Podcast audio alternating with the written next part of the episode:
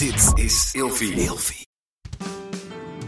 Hi, welkom bij deze podcast. Leuk dat je luistert. Mijn naam is Kokkie Drost en ik ben relatie-expert. Vandaag beantwoord ik de volgende vraag. In sommige kerken hoor je dat mannen en vrouwen hun eigen rol in de samenleving hebben.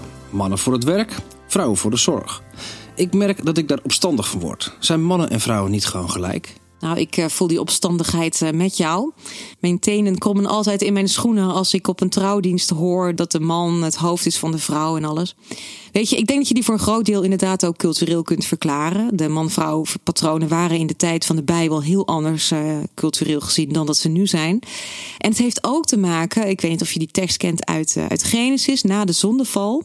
Dan, nou, voor het geval als je het verhaal niet kent, Adam en Eva, de eerste mensen, die waren in het paradijs en ze mochten alles doen behalve eten van één vrucht.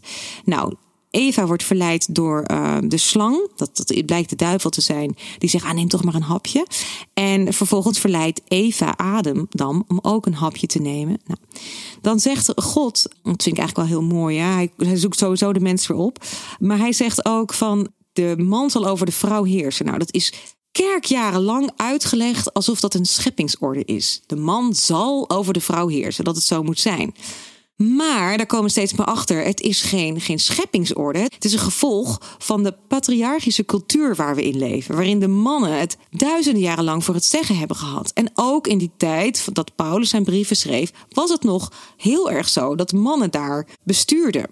Nou, wat ik zelf wel mooi vind om te lezen, als je die brieven gewoon eens eventjes helemaal zonder enig voordeel nog eens een keer bestudeert, zie je eigenlijk juist dat de dingen die er staan zijn geschreven om vrouwen juist een, een beschermende positie te geven. Veel meer waardering, veel meer respect dan dat wat, wat vrouwen in die tijd kregen.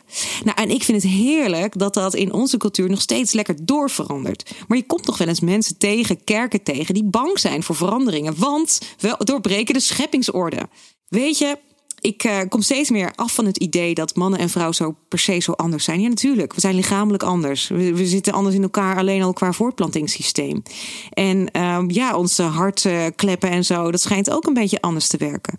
Maar als het gaat over emotionele gelijkheid, denk ik niet dat het zozeer gaat over de man-vrouw verschillen, als wel over het verschil dat je hebt gewoon als persoonlijkheid.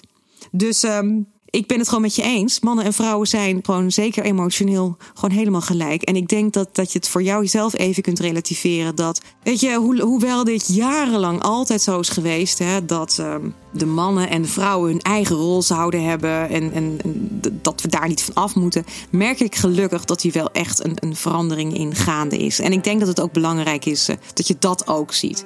Maar blijf af en toe lekker even geprikkeld en opstandig. Want ik denk dat we dat nog steeds nodig hebben. Succes! Hey, je kent mijn stem van Radio 538 of Veronica. Ik ben ondernemer en moeder van twee pubermeiden. In mijn podcast Hannelore in je oren praat ik over alles wat jou en mij bezighoudt. Zoals afvallen, gezonder leven, relaties, heel veel persoonlijke groei en ander gedoe. Mag ik in je oren? Liefs, Hannelore Zwitserloot.